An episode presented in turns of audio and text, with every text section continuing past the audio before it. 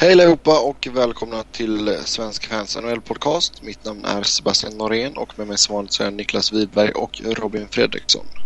Hej på er två. Hej. Tja tja. Vi eh, börjar direkt med att kolla lite Free Agency, nya kontrakt, eh, trades, rykten. Och eh, vi börjar med Eddie Leck som skrev på en tvåårsförlängning med Vancouver Canucks. En cap hit på 1,15 miljoner dollar. Visst är det läckert? Ja, då fick du in den också. ja, fan jag har tänkt på det hela veckan. aningen eh, tidigt, aningen högt va? Har inte bevisat så mycket än. Eddie Läck, tycker jag.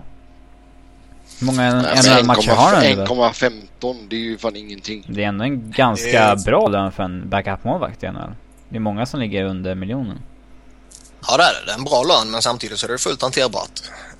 Um, sen har du ju givetvis en, en jättegod poäng i det du säger att han har bevisat väldigt lite i, i Vancouver. Sen samtidigt så man tycker väl att de bör ha sett väldigt, väldigt mycket av honom i AHL med tanke på att han gjort nu uh, blir det två och en halv säsong va?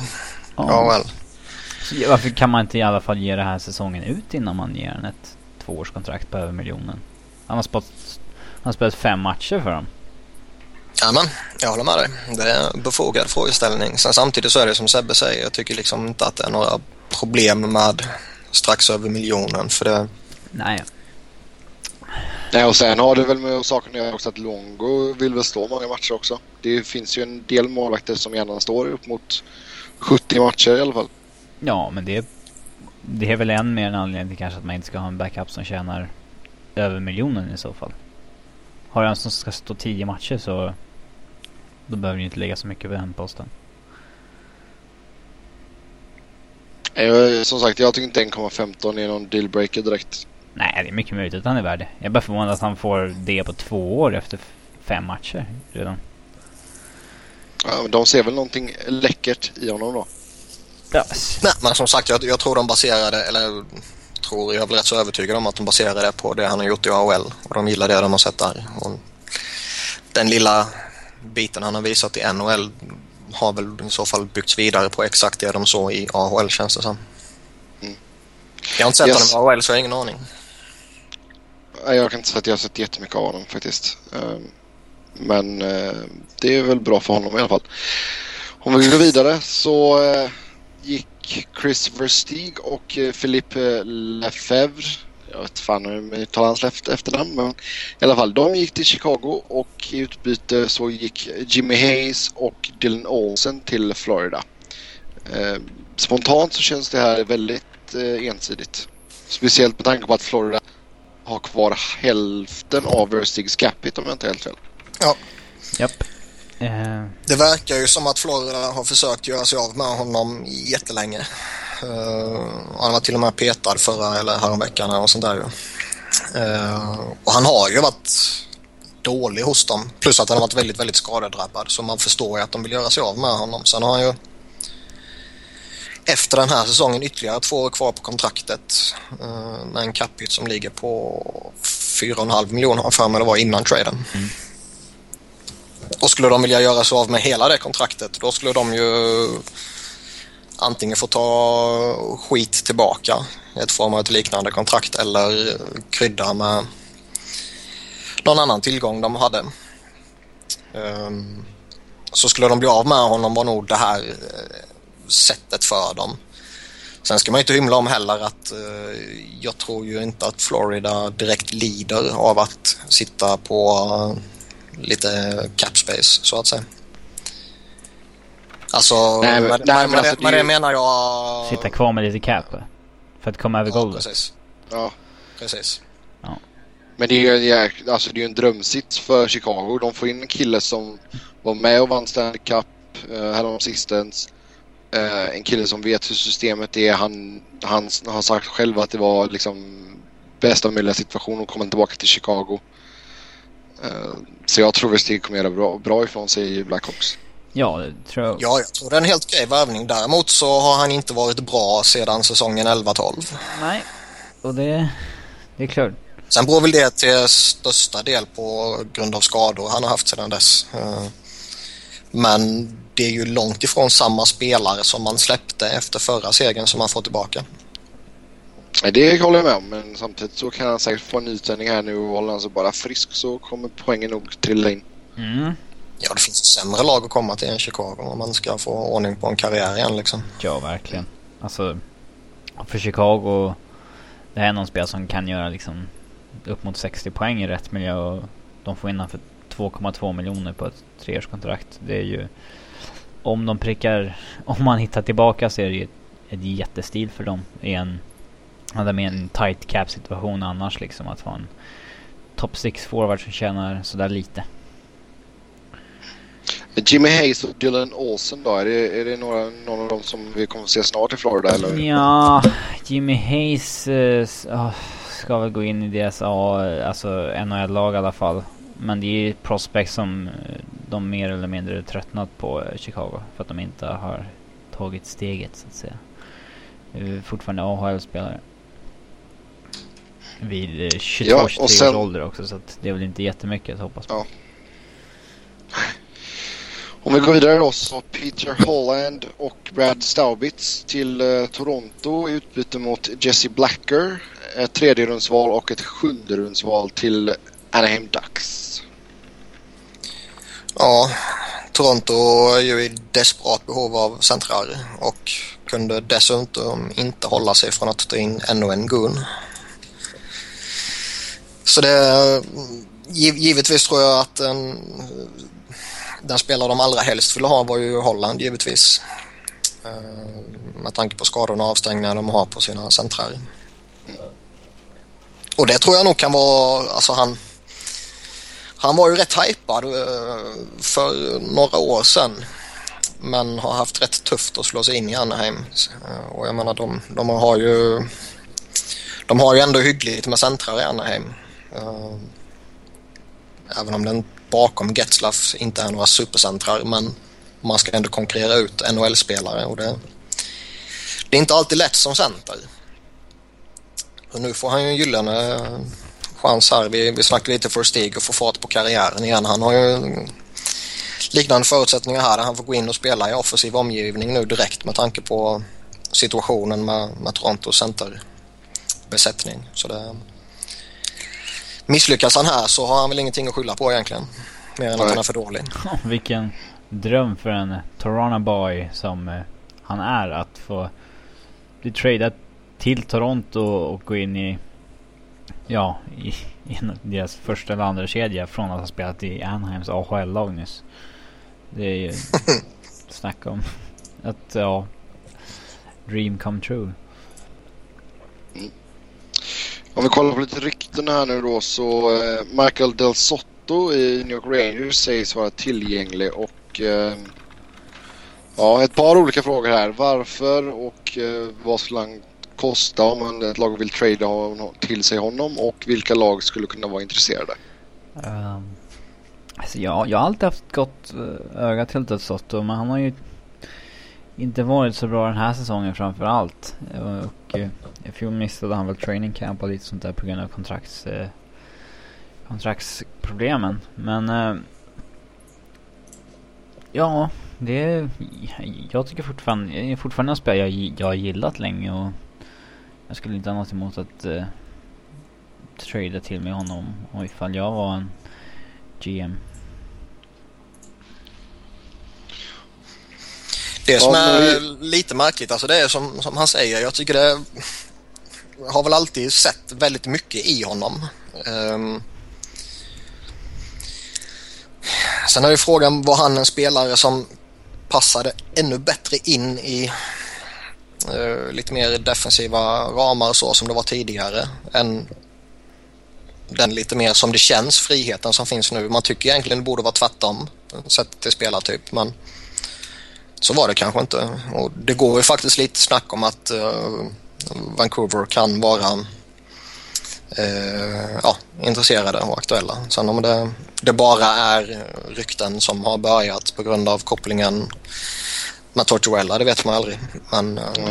jag tror de skulle kunna ha ett behov av honom. Framförallt som jag tycker att uh, en sån som Edler inte alls är den spelare han en gång var. Nej, det kan jag hålla med om. Edler har inte varit sig själv. Eh, men vad skulle Vancouver rimligtvis kunna ge upp då för att få Del Soto?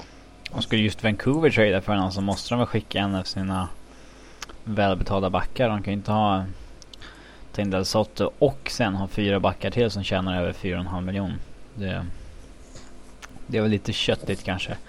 Men... Eh, ja, jag vet inte vad Del Soto kan tänkas kosta på dagens marknad. Det, just nu så känns det väl som att han shoppas runt lite i hopp om att någon ska ta honom men...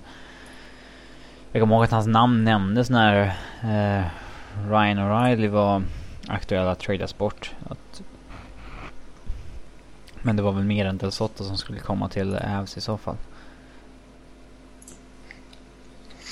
Det är svårt. Alltså det, spontant skulle man ju känna att är det liksom en spelare som organisationen har mer eller mindre gett upp om och försöker aktivt eh, bli av med honom så bör ju inte priset bli jättehögt egentligen. Eh, sen samtidigt vet vi att i princip alla lag i ligan vill ju stärka upp sin backbesättning. Um, framförallt med en yngre lovande försvarare. Mm. För även om han har visat väldigt mycket så känns det ändå som att han har ännu mer att ge också. Jo, då, då kan ju priset helt plötsligt bli eh, hur högt som helst. Så det, det, det är svårt uh, att spekulera just kring honom för men känns det inte som att det finns ett par klubbar som verkligen skriker efter backar? Jag tänker på Colorado, Carolina, eh, till viss del även kanske några andra lag i öst. Jo, men det är klart det finns lag som, som kan vara intresserade och det kan ju också påverka priset. Alltså, nu är ju Rangers och Carolina divisionskonkurrenter så då skjuts ju priset upp lite bara för att det är den kopplingen medan kanske eh, man har helt andra krav från ja, Colorado då till exempel. Um, och jag, jag är ju personligen alltid så att ska, ska man skeppa iväg en spelare som antingen är jättebra men som inte vill vara kvar, vilket det alltid finns uh, risk för att det kan bli, eller om det är en, en spelare som har visat potential men som ja, han blommar inte ut på det sättet man vill, så, så vill jag alltid att man ska försöka skicka till andra konferensen. Um, just för att man vill inte möta den här spelaren hela tiden, hela tiden, år efter år. Och mm. Om han då skulle blomma ut. Lite som, alltså ta uh, James von Riestak i Toronto. Boston och Sagan. Ja. Ja, jag skulle ja, säga Boston ja. och Sagan där. Ja, nej men det är typ exempel på hur man ska göra. Att ha, har du en sån snubbe så skicka honom till, till väst om du själv spelar i öst eller vice versa då såklart. För då Ja, det, det, är alltid bittert när man måste möta en, en, tidigare spelare man har haft som har slagit igenom i ett annat lag och man möter den. Uh, ja, inte varje vecka såklart, men titt som tätt. Ja, eh, om vi går vidare så Ryan Miller sägs kosta två första och ett andra rundsval. Det är helt galet. Ja, det känns väl lite väl högt va? Ja, alltså jag kan tycka att skulle det finnas en väldigt eh, tydlig och öppen målvaktsmarknad där flera lag eh, skulle vara ute efter en eh, rutinerad första målvakt då, då är det inte helt orimligt att börja med ett högt pris för att sen kanske gå ner lite. Eh, men som det är nu så är ju målvaktsmarknaden mer eller mindre död. Och till och med Anaheim har ju mer eller mindre bekräftat att eh, det finns liksom inga som ringer till dem på, på ett seriöst liksom, för att kolla av deras målvakter för de har ju tre stycken rätt attraktiva namn ju. Ja, det kan vi lugnt säga. Eh, sen, sen, tycker jag också liksom, det är in, inte bara om man tittar på, på marknaden i sig men om man tittar på just mm, Ryan Miller i sig så tycker jag att det, det, är en målvakt som har passerat sin prime och som dessutom har ett utgående kontrakt. Det var en helt annan femma om han vore några år yngre och dessutom hade ett, ett schysst kontrakt som gällde i mm, ja, tre, fyra år till kanske. Um, Så det gör ju också att jag tycker att det här, om det nu stämmer, eh, känns jävligt märkligt. Och det är väl också rätt tydligt då att eh, det inte har varit något jätteintresse kring honom om det är det priset som cirkulerar kring eh, de olika förhandlingsborden liksom. Jag får se vad Pat Lafontaine hittar på nu när han är Director of Hockey Operations.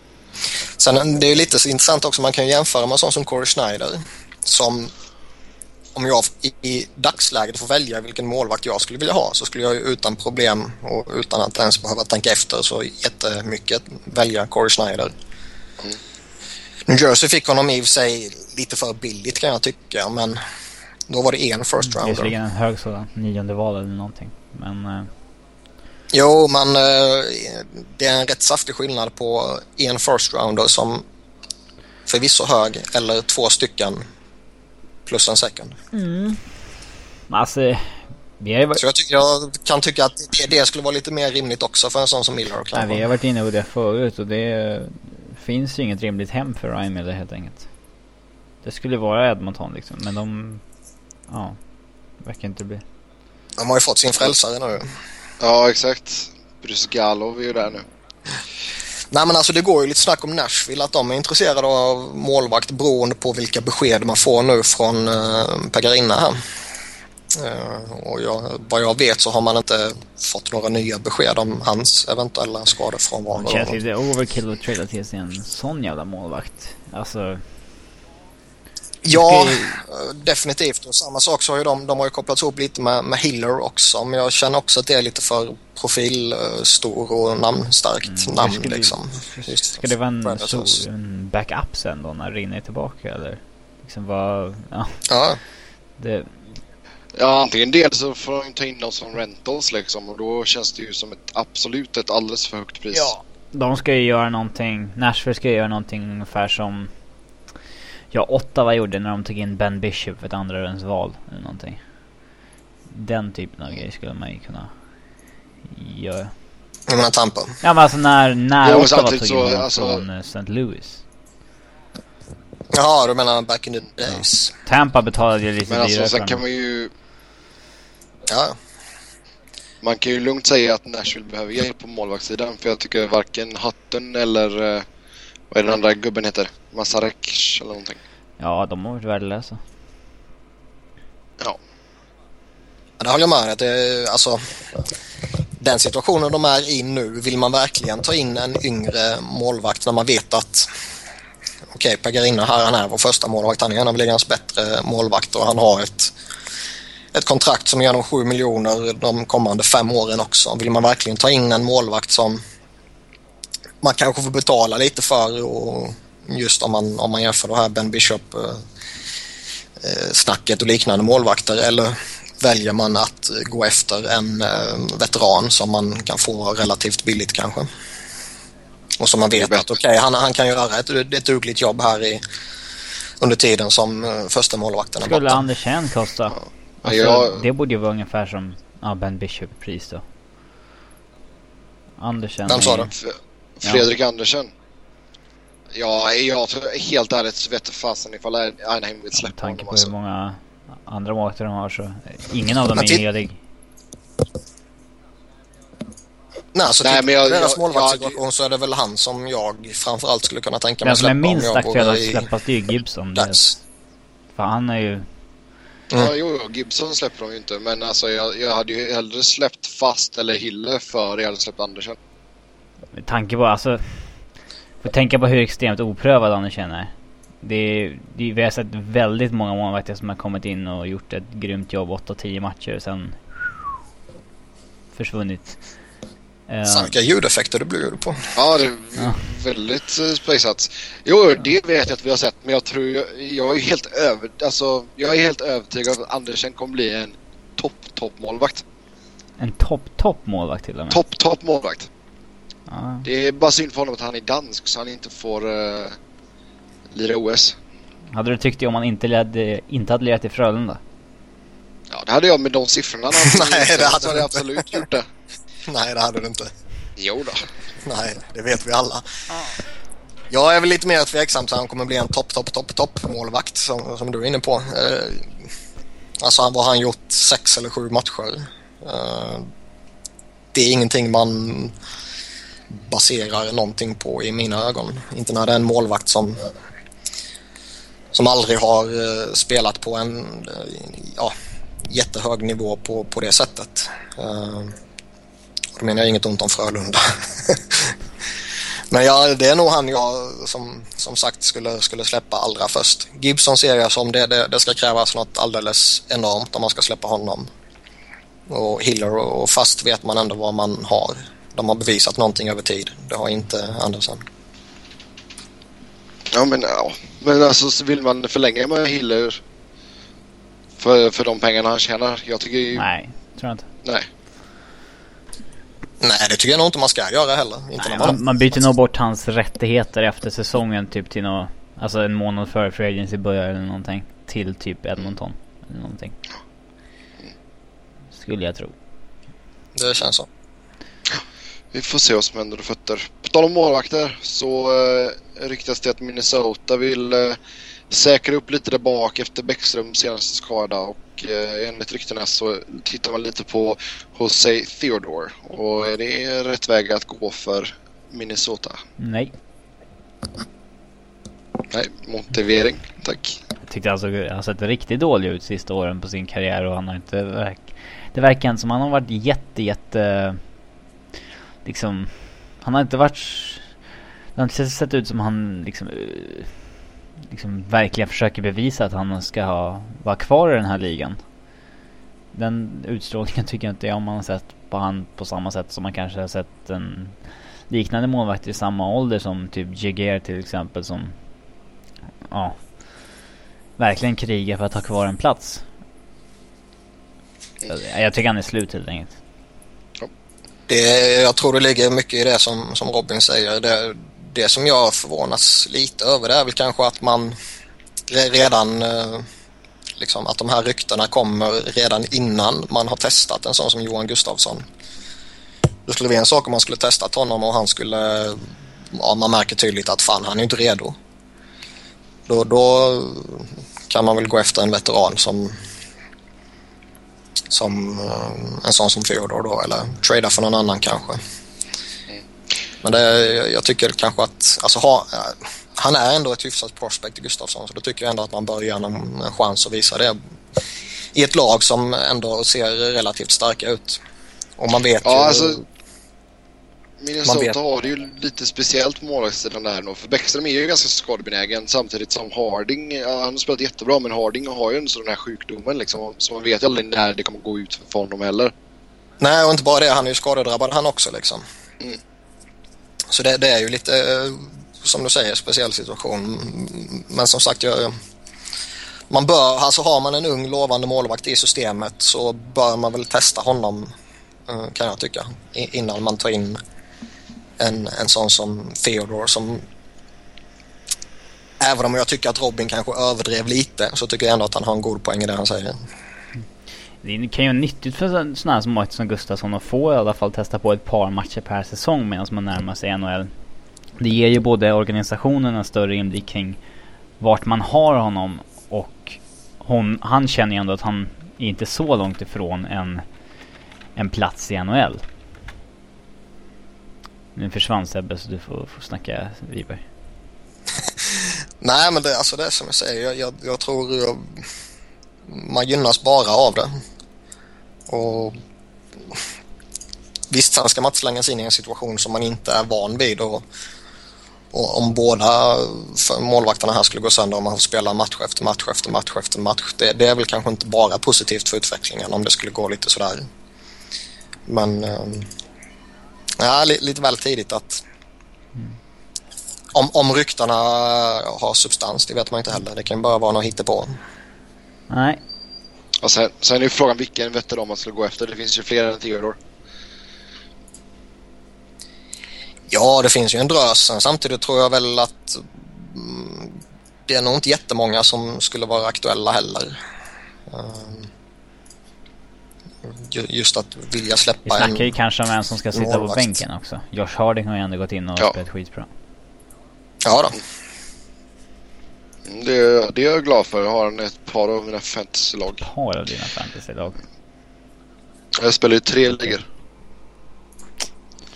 Ehm, sen eh, Marian Gaborik och eh, Columbus Blue Jackets verkar inte att förlänga och då kan man ju eh, dra slutsatsen att man kommer att byta bort honom under säsongen. Och eh, vad kan en Gaborik ge i utbyte och eh, vilka intressenter kan det finnas?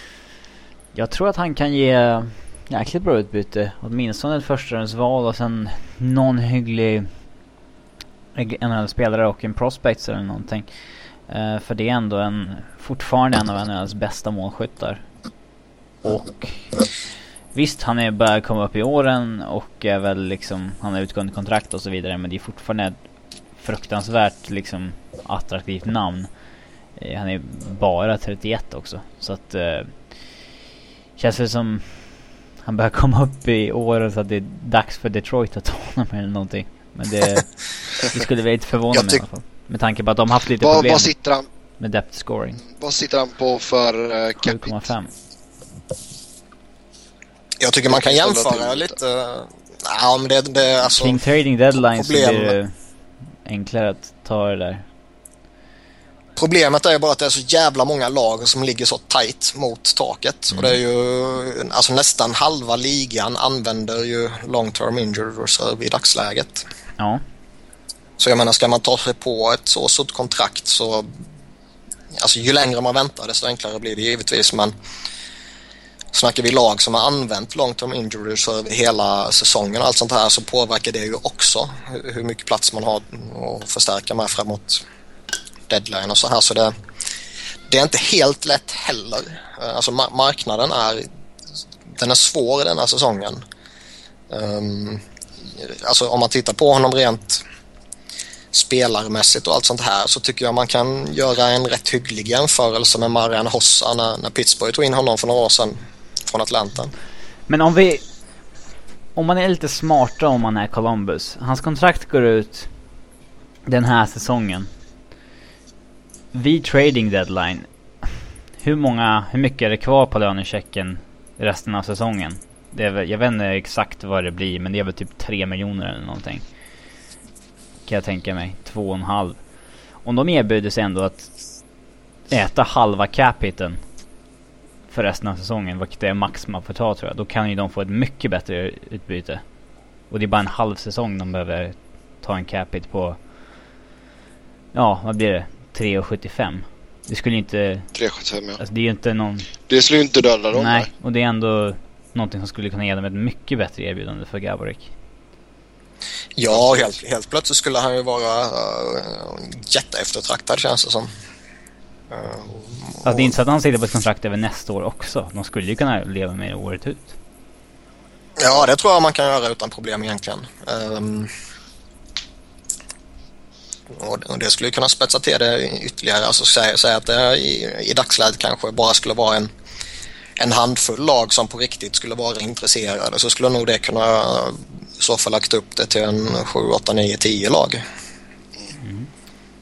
Framförallt om det, ja, det kommer ju alltid bli någon skada och så här. va.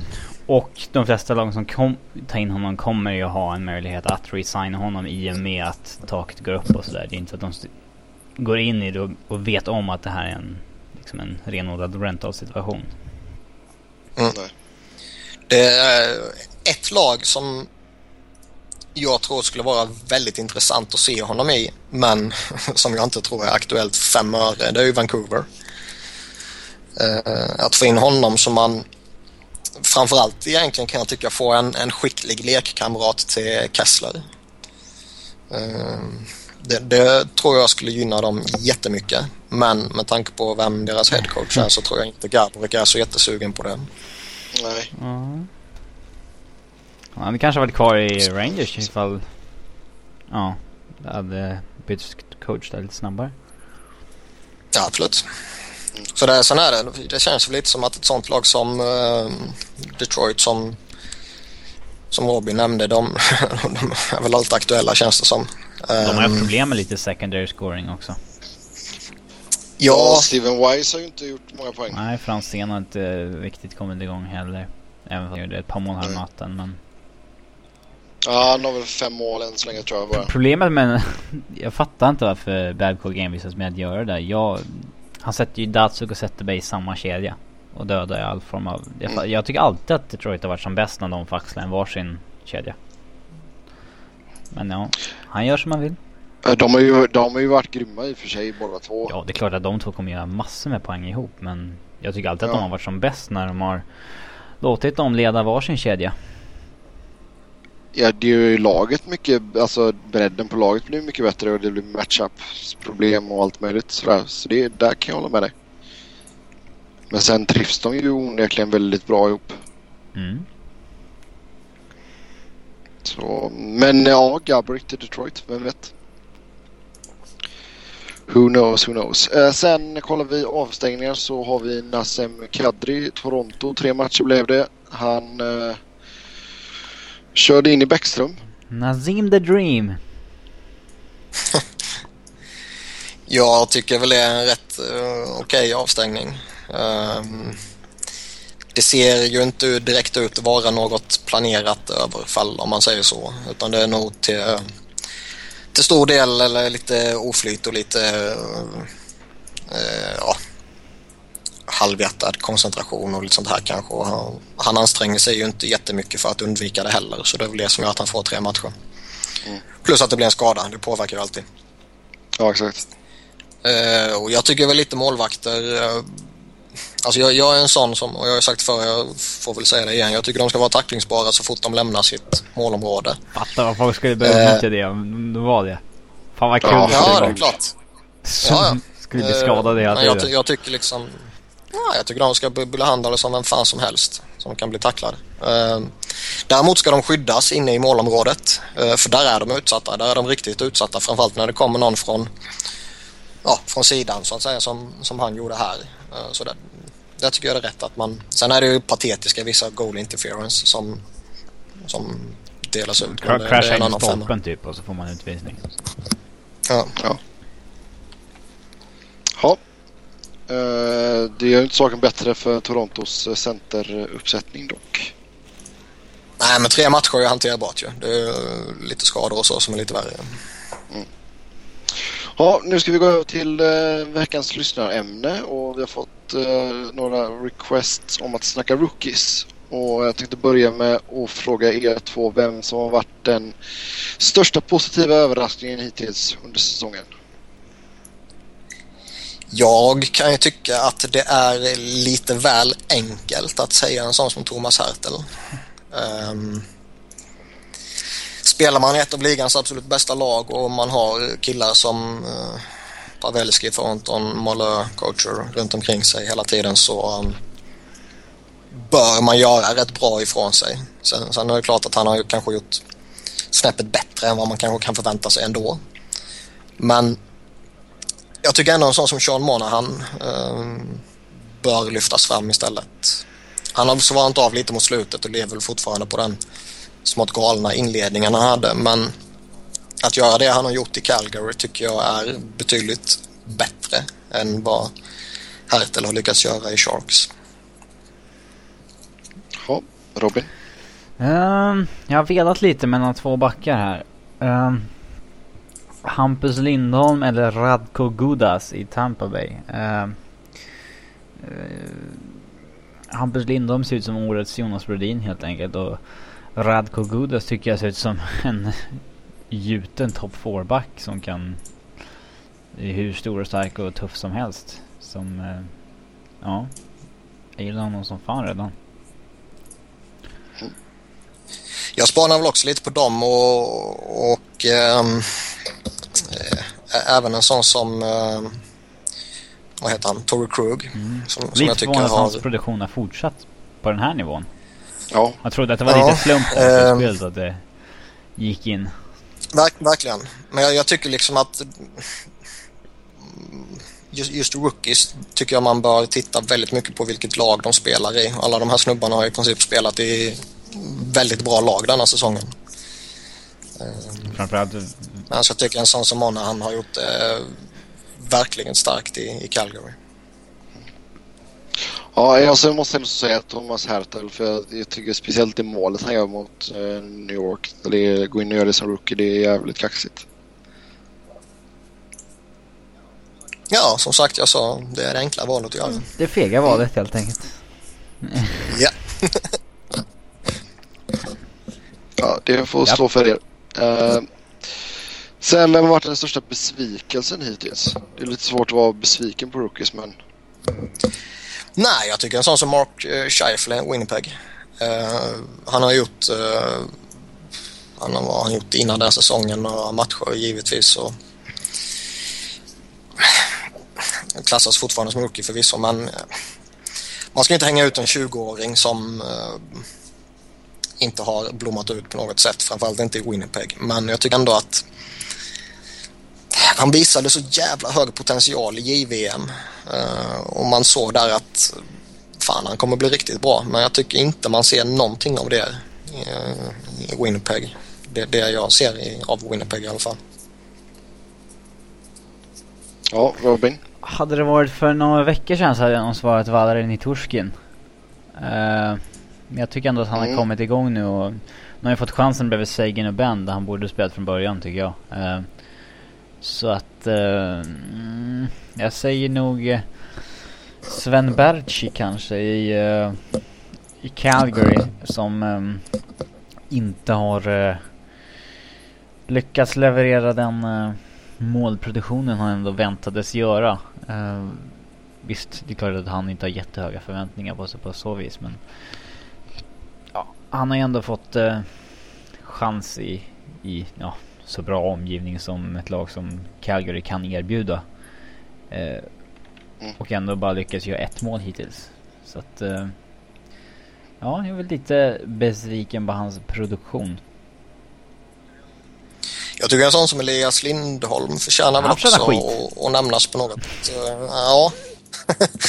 Ehm, jag, tycker, jag, jag kan väl inte påstå att jag tycker han har varit dålig rent spelmässigt när jag har sett honom spela. Ehm, och jag, Förväntningarna på honom var inte så höga heller. Många trodde, visst, eller ja, förväntade sig att det inte skulle gå. Att det var lite för tidigt för honom att sticka. ja, och det är väl lite det som gör att jag tycker att man ska ta det lite chill med hon- honom också. Ehm, han borde väl inte börjat i NHL kan jag tycka.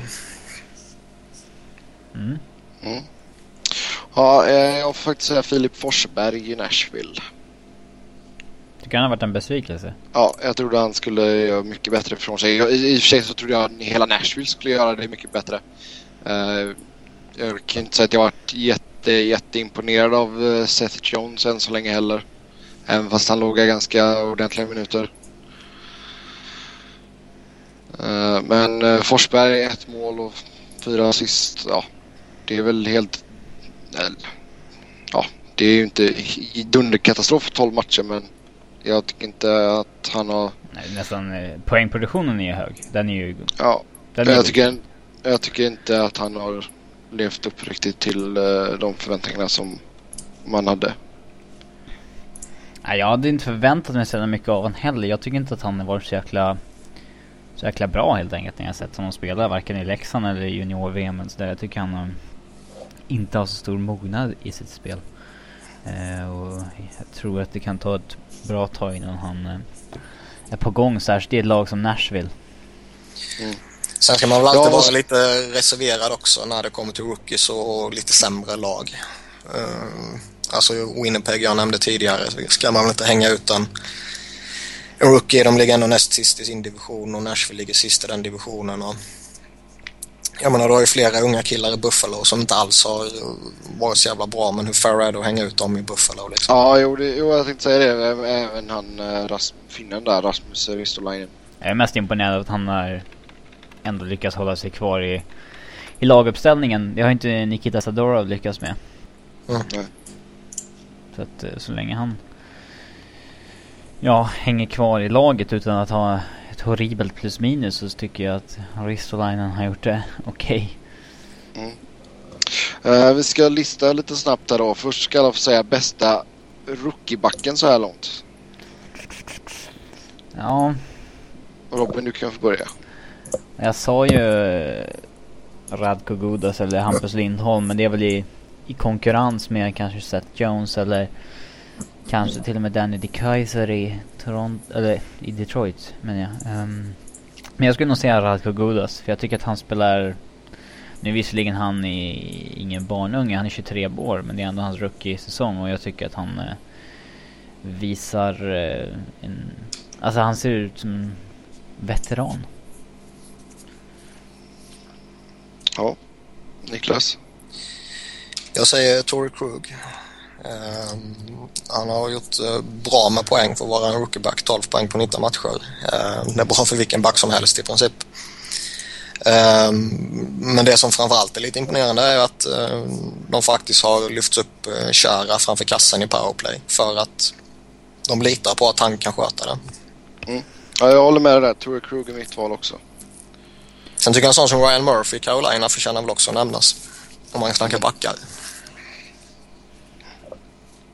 Mm, ty tyvärr så kan jag inte säga att jag har tittat för mycket på Carolina.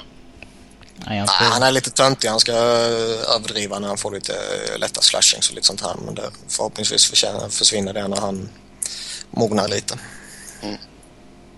Ja, bästa forwarden då?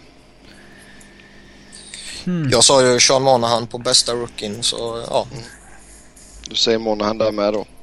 Jag säger ju Hertel då. Ja, det är väl svårt att eh, peka på någon annan än Hertel när det kommer till den poängproduktionen. Uh, men sen om han har varit bästa... Liksom, han har ju...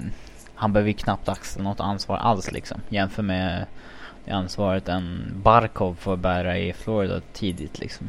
Eh, Mm, jo, det är sant. Men eh, ja. Jag säger nog att Hertel har varit bästa forwarden i snäppet före Monahan och McKinnon då. Mm. Och sen eh, bästa målvakten, då säger jag ju självklart då Fredrik Andersen. Ja, det finns väl inte så många alternativ. Så att det det får väl bli Andersen. Han är väl det enda som har stått ett par matcher till och med. Det, det är väl han eller Eddie Läck att välja på. Ja, sen är det är väl han och sen uh, Nashville-snubben som Sebbe var inne på innan. Men han har ju inte varit så uh, jättehet. Han har spelat Äh, fyra, hat- fyra hatten. matcher. Ja, så jag, ja, Andersson är väl ett rätt enkelt val här. Yes, vi går vidare och så ska vi titta på... Eh, det skrevs ju en del eh, fina kontrakt under sommaren och eh, eh vi tar med några som även skrev sent under förra säsongen. Och eh, vi ska se om det har gått bra eller dåligt baserat på säsongsinledning och förväntningar för detta, på, eh, på dessa spelare. Så eh, vi börjar med Alexander Semin i Carolina. Eh, han skrev ett femårskontrakt med en cap hit på 7 miljoner. Har han, eh, är han värd de pengarna? Då var han värd de pengarna. Nu tycker jag att han har liksom... Om jag var Carolina skulle jag ändå vara lite orolig. Det kändes som han... Ja. Ja, lättade lite på gasen när han hade signat det där kontraktet. Mättnadskänsla. Ja, men... Kontrakt ja. Men det var ju det, var det snacket som gick kring just honom. Alltså även om man bortser från den här ryssfaktorn som troligtvis alltid kommer hänga med alla ryssar. Eh, så kändes det ändå som att snacket kring han inte bara var ryssfaktorn. Ehm, utan det var lite annan osäkerhet så också. Och det var nog befogat att ha den oron och jag tycker väl att man på den lilla man kan se hittills så var det väl en minst sagt befogad oro också. En trist. sen får man väl inte glömma heller att alltså all, alltid när man snackar lag som Carolina och Columbus, eh, ä- även om de har vaknat till liv lite här nu och liksom Edmonton, Winnipeg och, och de lagen eh, så får de alltid betala lite extra. Eh, de får kanske alltid lägga till ett år till. Eh, och, och sånt här för att de ska kunna få en spelare med den kapaciteten som han ändå har. Alltså när han är som bäst så är han en av ligans bästa spelare. ju. Ja. Mm. Lite för ojämn dock. Eh, sen eh, Brian Bickle, fyra år, Chicago, fyra miljoner. Ja, alltså... Chicago var ju dumma om de trodde att han skulle leverera som i slutspelet för dem liksom på kontinuerlig basis nu. Men det var väl ungefär vad han signade upp för att göra när han signade det där fyraårskontraktet. Och det har han inte klarat av. Han har dessutom gjort lite... Han har gjort en del mål, fem på 21 matcher, en assist och det är... Ja, alltså... Men i, just i Chicago kan det väl vara värt en del i och med att de saknar den här power forwarden annars. Men han, han måste börja göra lite mera... Ja, alltså nu, nu tjänar han som en top 6 forward. Då måste han leverera som en också just när det kommer till produktion. Och det, det tror inte jag att han kommer göra. Och det har inte börjat så heller. Det är ju klart att uh, det här är väl ett typexempel på en spelare som belönas uh, lite för så att säga efter ett grymt slutspel. Och okay.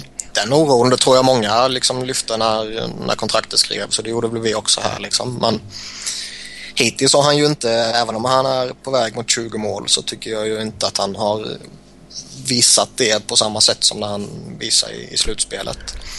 Sen samtidigt om man inte belönas efter ett riktigt starkt slutspel där man vinner kuppen, när fan ska man belönas då?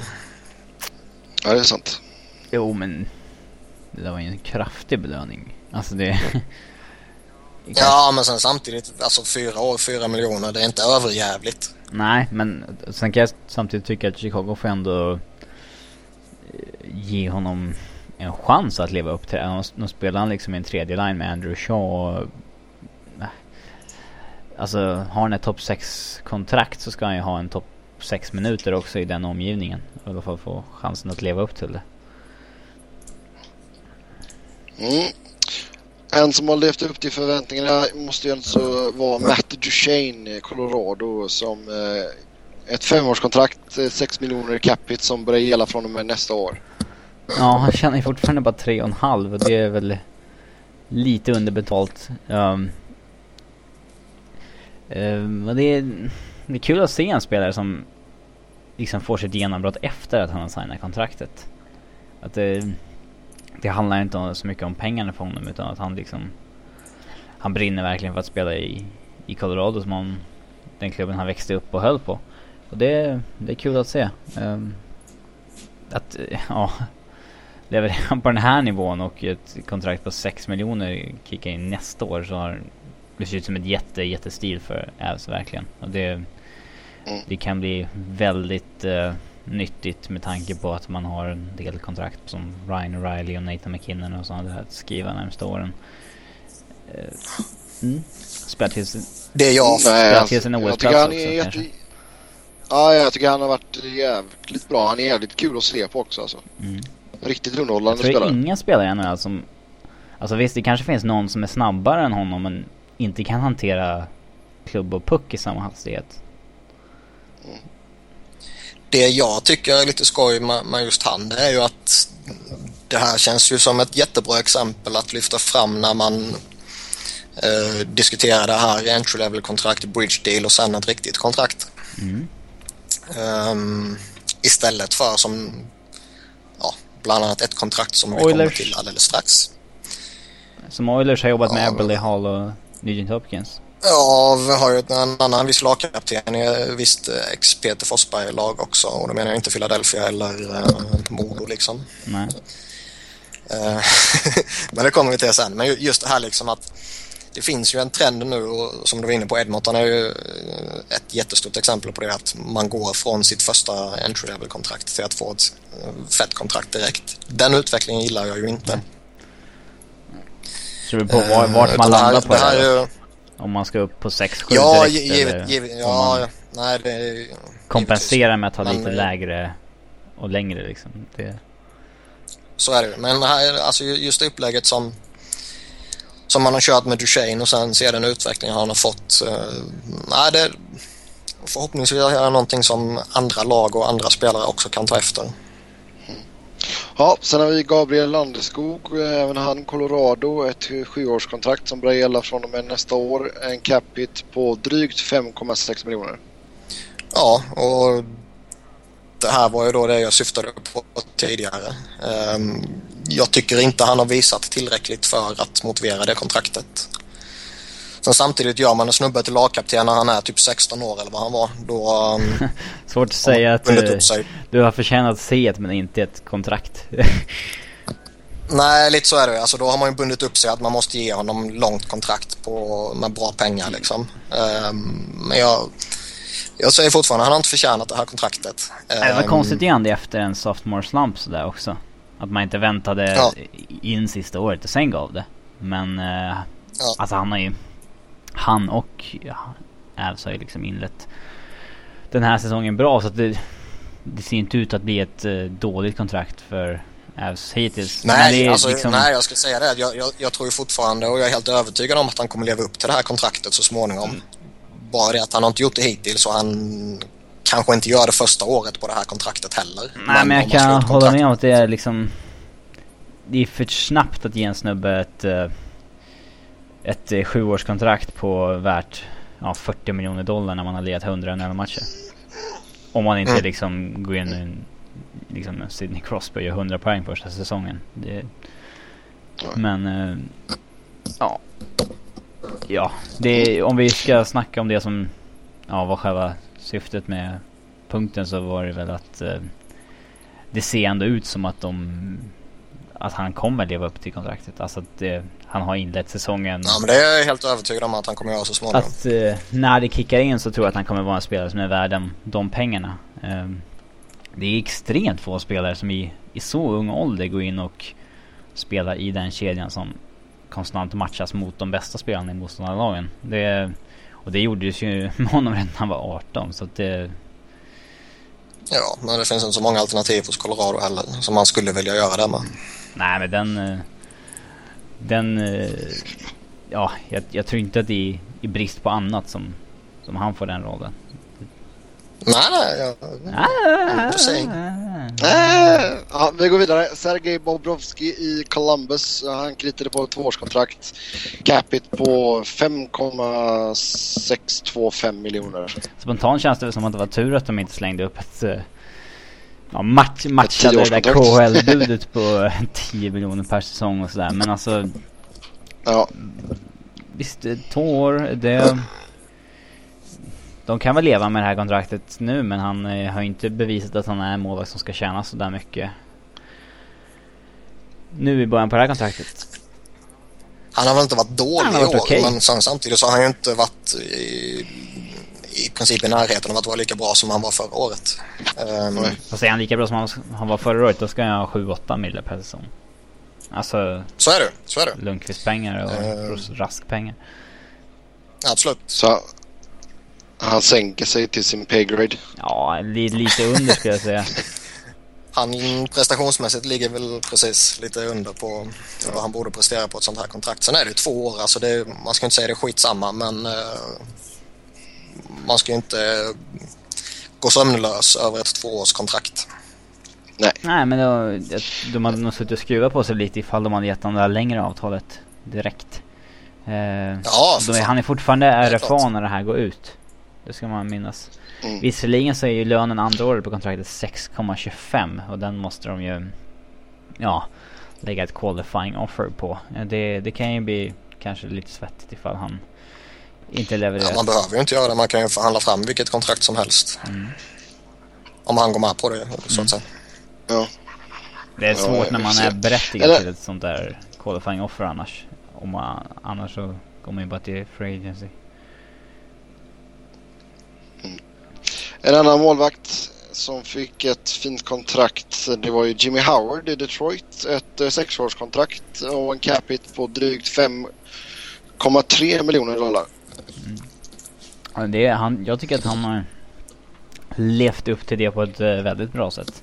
Han har väl aldrig varit någon favoritmålvakt hos mig men uh, uh, jag tycker ändå att han har bevisat att han är en, en första målvakt i NHL helt enkelt. Visst, han mm. kanske inte har sopat mattan den här så tycker jag Detroit... Nej, men alltså Detroit överhuvudtaget har ju gått lite knackigt nu det sista. Jo, det har de väl, men... Eh, alltså Jimmy Howard, som Robin sa, tycker jag definitivt har visat att han är tillräckligt bra för att vara en målvakt man kan gå långt med. Eh, framförallt alltså jag skulle väl inte säga att det är en målvakt som jag skulle bygga hela mitt lag kring. Eh, så bra är han väl inte. Eh, utan Nej, det är inga behöver nog ha... Nej, utan man, man behöver nog ha en annan stomme men att han definitivt kan vara en del av stommen så att säga. Ja, men sk- skulle du hellre ta Howard före Corey Crawford till exempel? Ja, det skulle jag. Med tanke på att Howard tjänar ja, en del mindre också. Och jag är inget jättefan av Corey som, Crawford ja. heller. Jag ser det väl som egentligen mer eller mindre dött lopp mellan de två men skulle jag ha mm, liksom pistol mot huvudet skulle jag nog välja Howard. Ja, sen eh, så tittar vi vidare då så har vi Edmonton näst här och Ryan Nugent Hopkins. Ett eh, sjuårskontrakt som börjar gälla från och med nästa år och en cap hit på 6 miljoner. Ja, och vi sa väl redan när eh, det här skrevs att det var mer eller mindre galenskap. Eh, alltså, inte bara det här med att man går direkt från ett eh, entry level-kontrakt till ett eh, saftigt andra kontrakt utan det är en snubbe som har spelat 100 matcher han har redan haft liksom sju axelskador eller någonting. Um, Gjort mestadels av sina poäng i powerplay också. Det är inte klart att han kommer att bli en bra topp 6 forward i framtiden men jag tycker inte att han har gått in och bevisat så här definitivt att han kommer bli deras första center att luta sig mot i Ja, Nej. Nej, alltså de har ju alltså de har ju själva startat nu en trend inom organisationen liksom att okej, det är fritt fram att du får ditt feta kontrakt direkt efter ditt första måste man kontrakt. ta lite mindre lön liksom. Man kan, hade de väntat Mm. hade Taylor Hall tagit en bridge deal och sen gjort en 90 poäng två säsonger i rad då hade han tjänat betydligt mer än 6 mille. Men det är Ja, en avvägning man gör helt enkelt. Om man, det Ja. kanske om fem år sitter vi kan, kanske och tycker att det är skitbra att de har Eberle Hall och Danuge på totalt 18 miljoner tillsammans. ja alltså, Nugent, alltså jag har svårt för Nugent Hopkins. Han är ju skittalangfull men just att han är så skadebenägen och så tunn det oroar mig lite. Mm. Ja, det väl det som jag skulle gjort också att egentligen skulle man vilja ha en klassisk bridge deal på honom med tvåårskontrakt. Men alltså det är svårt också. Fan, alla andra har ju fått Ja, vad fan. Eberle Leo Hall Liksom- fick ju sina. Men de, har- det är onödigt att Ja. ge det före sista året har gått ut. Tycker jag i det här fallet. Ja, Alltså de, det var inte så att de var tvungna att göra det den här sommaren. nej. Nej, vi får se. Edmonton går ju som sagt ganska knackigt och nu har man tagit in Burskalo för att försöka rädda upp situationen. Det är kanske inte är det bästa tecknet. eh, vi går vidare. Dustin Brown, LA, kapten. Han har ett åttaårskontrakt som börjar gälla från och med nästa år. Värt drygt 5,9 miljoner och eh, det har han ju verkligen inte levt upp till än så länge. Nej. Eh, jag kan väl tycka att han förtjänar att få ett sånt här kontrakt om man tittar på vad han har gjort tidigare och att mm, ja, man vann med honom. Och han har varit underbetald i många år. Ehm, och jag tror han kommer leva upp till det här kontraktet om man pratar de närmsta tre, fyra åren kanske. Ehm, men man ser ju tydligt på i princip alla powerforwards att de droppar av lite när de är några år över 30. Så jag skulle inte alls bli förvånad om man ser en dipp hos honom när han blir en... eh, Ja, han är väl 29 nu tror jag, när han blir en eh, 33, 34, 35 där runt omkring. Och då har, då har man ändå några år kvar på det här kontraktet. Som eh, även om allting tyder på att lönetaket kommer skjuta iväg riktigt rejält så 5,9 Kan det nog vara- kännas. ja exakt. Ja, det är sant. Sen ska jag säga det, alltså jag gillar honom jättemycket och han är Ja, det, otroligt skicklig på det han gör om, om man tittar på normala fall. Um, sen är det den spelstilen han har är ju en spelstil som han med största sannolikhet inte kommer kunna hålla vid liv under hela kontraktet. Och då är frågan, är han så pass skicklig att han kan eh, leva på andra saker när kroppen börjar kanske säga ifrån på ett annat sätt. Där är jag lite mer tveksam. Mm. Ja, jag håller med och sen han har inte riktigt gått att känna igen än så länge på säsongen. Han har haft väldigt trögt med målskyttet och sådär så eh, men jag får hoppas att det går vägen för Brown. Eh, vi går över till Montreal och David Descharnay. Ett fyraårskontrakt, eh, 3,5 miljoner i capita blir det på honom. Det ser fantastiskt ut just nu. Han har väl varit skitdålig sedan han skrev det kontraktet. Ja, det känns lite... Det känns som ett sånt här fall där han, en snubbe som spelar East Coast Hockey ligan, kämpar sig till AHL, lyckas få ett kontrakt i NHL. Jobbar som fan och trycker in poäng och sen så får han det där bra kontraktet och så... Uh, liksom. Mm. En assist på 19 matcher hittills och varit petad någon match också och lite sånt här. En Och, poäng totalt. alltså, ja, alltså jag, jag måste ändå säga att jag, jag gillade det han visade när han slog igenom allt det här. När han gjorde sina, vad var det, 60 poäng en säsong där tror jag det var. Ja, alltså, det såg ju det såg ut som ett bra kontrakt då också. Ja. Uh, sen, sen är det väl lite liksom 3,5 miljoner. Ja.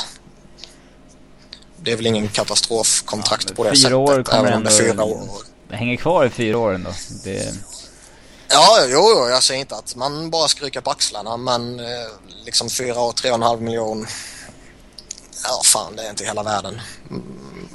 Och jag, jag, jag tror ju om man tittar på hur det har sett ut så är väl kanske 60 poäng kanske man inte ska hoppas på att han når igen. 40-50 borde han kunna Sen göra. samtidigt så, ja, sen samtidigt så tror jag ju inte att det han visar upp eh, denna säsongen är sanningen heller. Um, utan jag, jag, tror- jag tror fortfarande han kommer kunna vara en spelare som kan bidra i NHL. Men inte- det fanns ju lite tecken på att han skulle kunna bli en, en riktigt duktig topp 6-spelare. Det, det, de, de förhoppningarna kanske man ska ta det lite lugnt med tills vidare. Mm. Och någon som verkligen inte har spelat som en topp 6-spelare än så länge i år det är Claude Giroux i Philadelphia. Ett eh, åttaårskontrakt som börjar gälla från och med nästa säsong och en cap hit på drygt 8,3 miljoner. Ja, eh,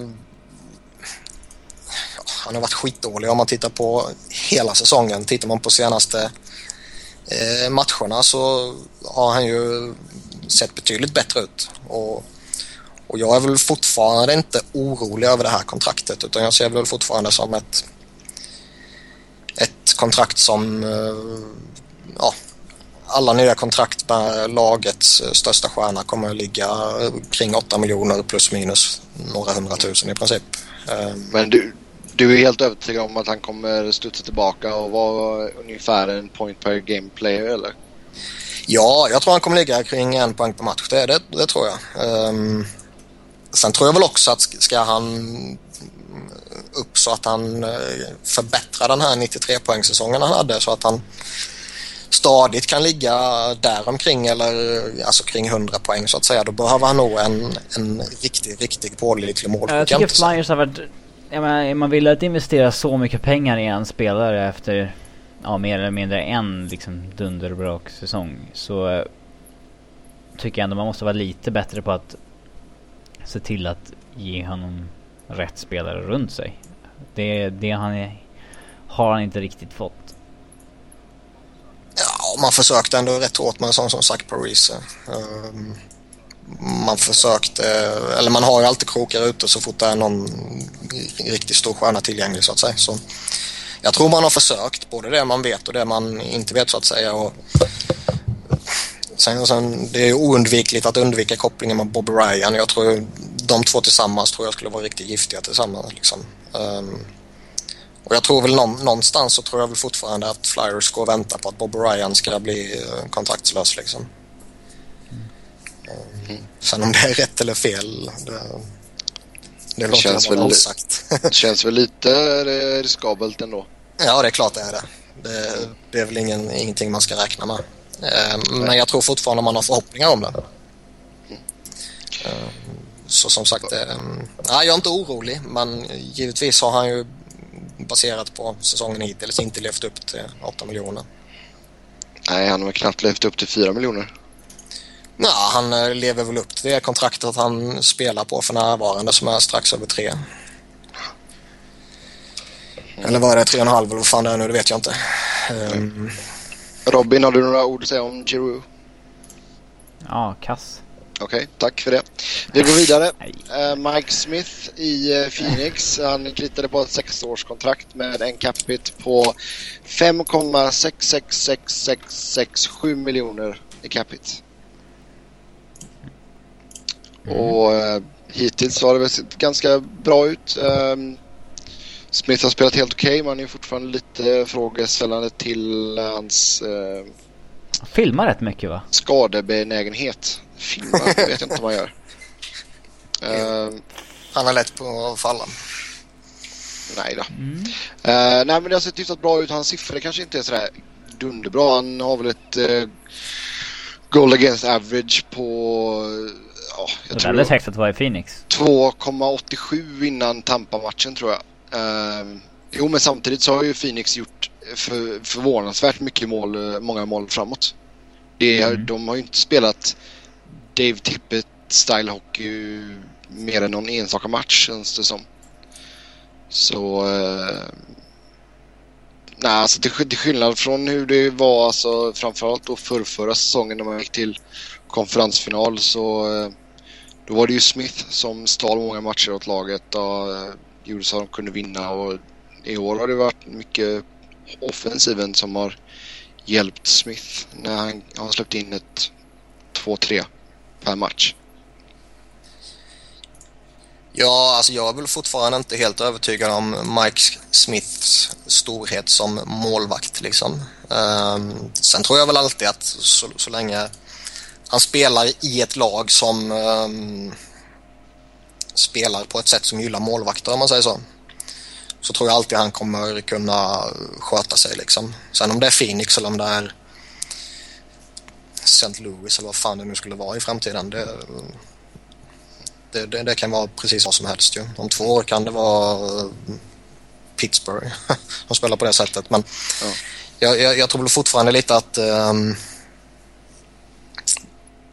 han kommer inte testas på riktigt förrän han spelar i ett system där det är full fart framåt.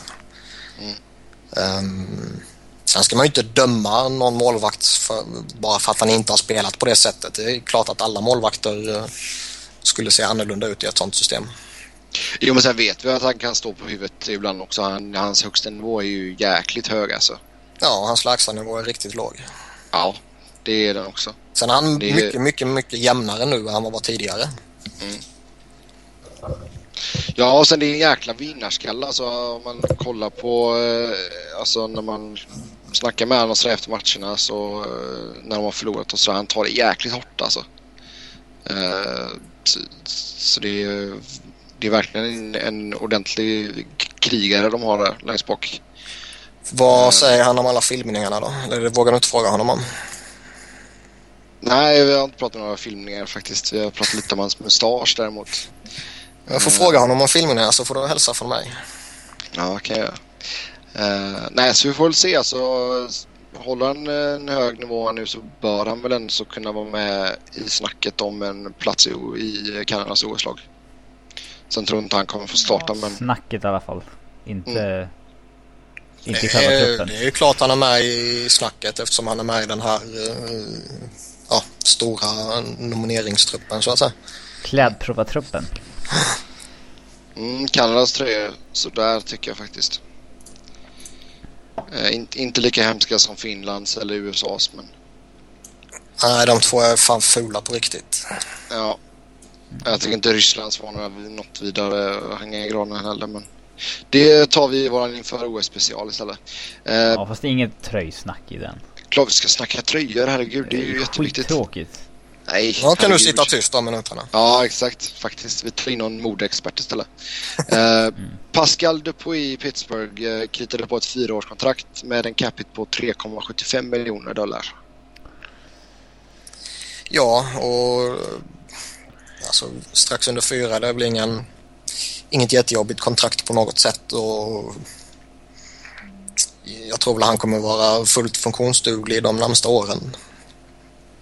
Sen är det möjligt att man blir lite som Pittsburgh-supporter, hemska tanke eh, om man skulle varit det. Eh, att man skulle blivit lite irriterad kanske år tre och fyra på det här kontraktet. Um, men jag ser väl inga större problem med det här kontraktet i dagsläget. Mm. Så länge han spelar i topp 6 ska väl tilläggas. Mm. Ja, man får väl ändå acceptera att han får lite betalt för, för att han har varit underbetald ganska länge också. Eller hela tiden i Pittsburgh egentligen. Han har varit underbetald. Det är ja, kul så. att du nämnde Hossad i Pittsburgh förut. Att Dupuy kom ju med på köpet i samma trade. Och har ju hängt, hängt kvar. Jag tror inte att det var han de trodde att de skulle bygga någonting kring när, i den traden. Men ja, snacka om att få med, få, de fick med honom på köpet där. Det var ju, har inte direkt varit dåligt för Pittsburgh.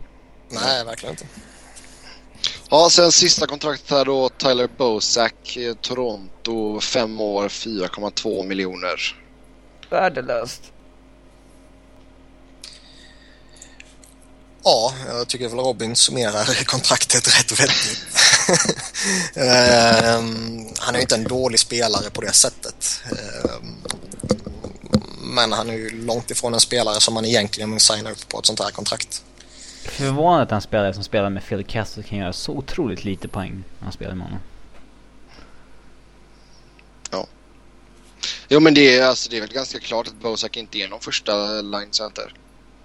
Nej det är han inte. Det, jag menar, hade han... Hade Nej, jag tycker inte han är topp 6-center överhuvudtaget liksom. Um... För dåligt defensivt för att vara en tredje, fjärde center heller. Jag vet inte... Alltså... Ja, jag vet inte vad han ska vara egentligen. Men en andra center i ett eh, lite mindre bra lag. Nej, men jag skulle kunna tänka mig liksom att eh, ett sånt som Columbus som har ett eh, rätt stort behov av att hitta någon center som skulle kunna göra någon nytta. Ja, de kanske skulle kunna prova med honom, men ja, ett lag som Toronto, alltså det... Är det här Mats Sundins arvtagare liksom? Ja. ja, lite så känns det. Just när man tittar på vilka andra centra de också har nu alltså, så Dave Bollan tycker jag går före honom och eh, Jay McClement också. ja, typ mm. alltså. Eh, ja, nej, det, alltså det är svårt men som sagt jag... Fraser McLaren, Colton Orr. Ja, riktigt så illa är det inte. men eh, det är ju definitivt ingen center, eller det är definitivt, om man säger så, det är definitivt ingen spelare som jag skulle vilja bygga min centerbesättning på. Nej. Vilket ett sånt här kontrakt indikerar att man uh, vill göra helt enkelt. Kessel kanske är bra polare med Bozak och sådär men vad fan han förtjänar fortfarande en bra jävla mycket bättre första center bredvid sig. Alltså jag skulle ju hellre se en sån som Grabowski att de skulle behållit honom och inte köpt ut honom. Um, mm. Även om han hade eh, knappt en och en halv miljon mer i capita. Men jag tycker att han har betydligt högre högsta nivå än vad Bosak har. Mm. Mm. Yes, där var vi klara för den här veckan. Som vanligt så vill ni chatta Hockeymoss så går det bra att göra det på, via Twitter. Mig hittar ni på Noren. Niklas på att Niklas Wiberg, Niklas med C och enkel-V och Robin hittar ni på R underscore Fredriksson. Så äh, lämna gärna kommentarer. Äh, om ni vill att vi ska ta upp något speciellt ämne så tweeta till oss eller mejla Niklas eh, niklas.viberg.svenskfans.com Så hörs vi nästa vecka. Ha det gött. Hej! Hej! Hej!